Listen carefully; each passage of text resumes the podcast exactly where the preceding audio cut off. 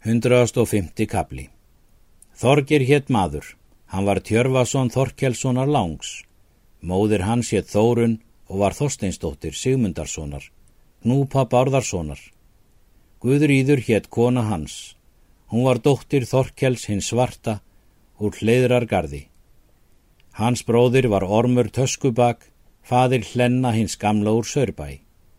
Þeir Þorkell voru sínir Þóri Snepils, Ketilssonar Brimils, Örnólfssonar Björnólfssonar, Grímssonar Loðinkinna, Ketilssonar Hængs, Hallbjarnarssonar Háltrölds úr Hrafnistu.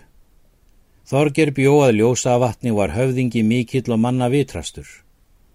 Kristnir menn tjölduðu búðir sínar og voru þeir gissur og hjalti í mósfellingabúð. Um daginn eftir gengu kvorir tveggju til Lögbergs og nefndu kvorir votta, kristnir menn og heiðnir og sögðust kvorir úr lögum annara og var þá svo mikið óhljóð að lögbergi að engin nam annars mál. Síðan gengu menn í braut og þóttu öllum horfa til hinn að mestu óefna. Kristnir menn tóku sér til lögsögumanns, Hall á síðu. En Hallur fór að finna Þorger góð á lögsögumann frá ljósavatni og gaf honum til þrjár merkur silfurs að hann segði upp lögin. En það var þó ábyrðar ráð er hann var heiðin.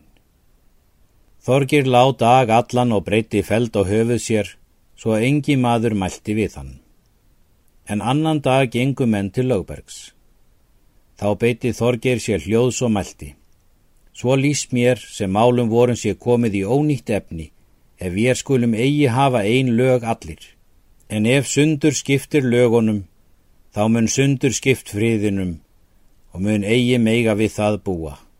Nú vil ég þess byrja heiðna menn og kristna hvort þeir vilja hafa lög þau er ég segi upp. Því játuðu allir. Hann hvast vilja hafa svardaga af þeim og festu að halda. Þeir játuðu því allir og tók hann af þeim festu.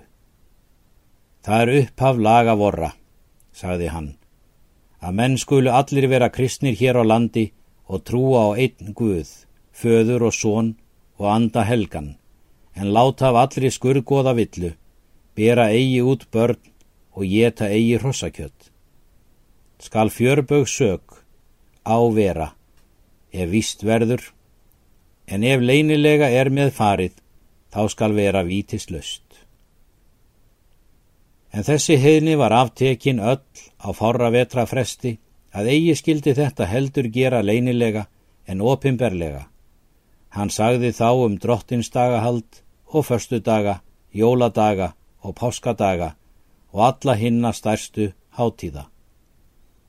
Þóttust heiðnir menn mjög sviknir vera, en þó var þá í lög leitt trúan og allir menn kristnir gerfir hér á landi. Fara menn við það heim af þingi.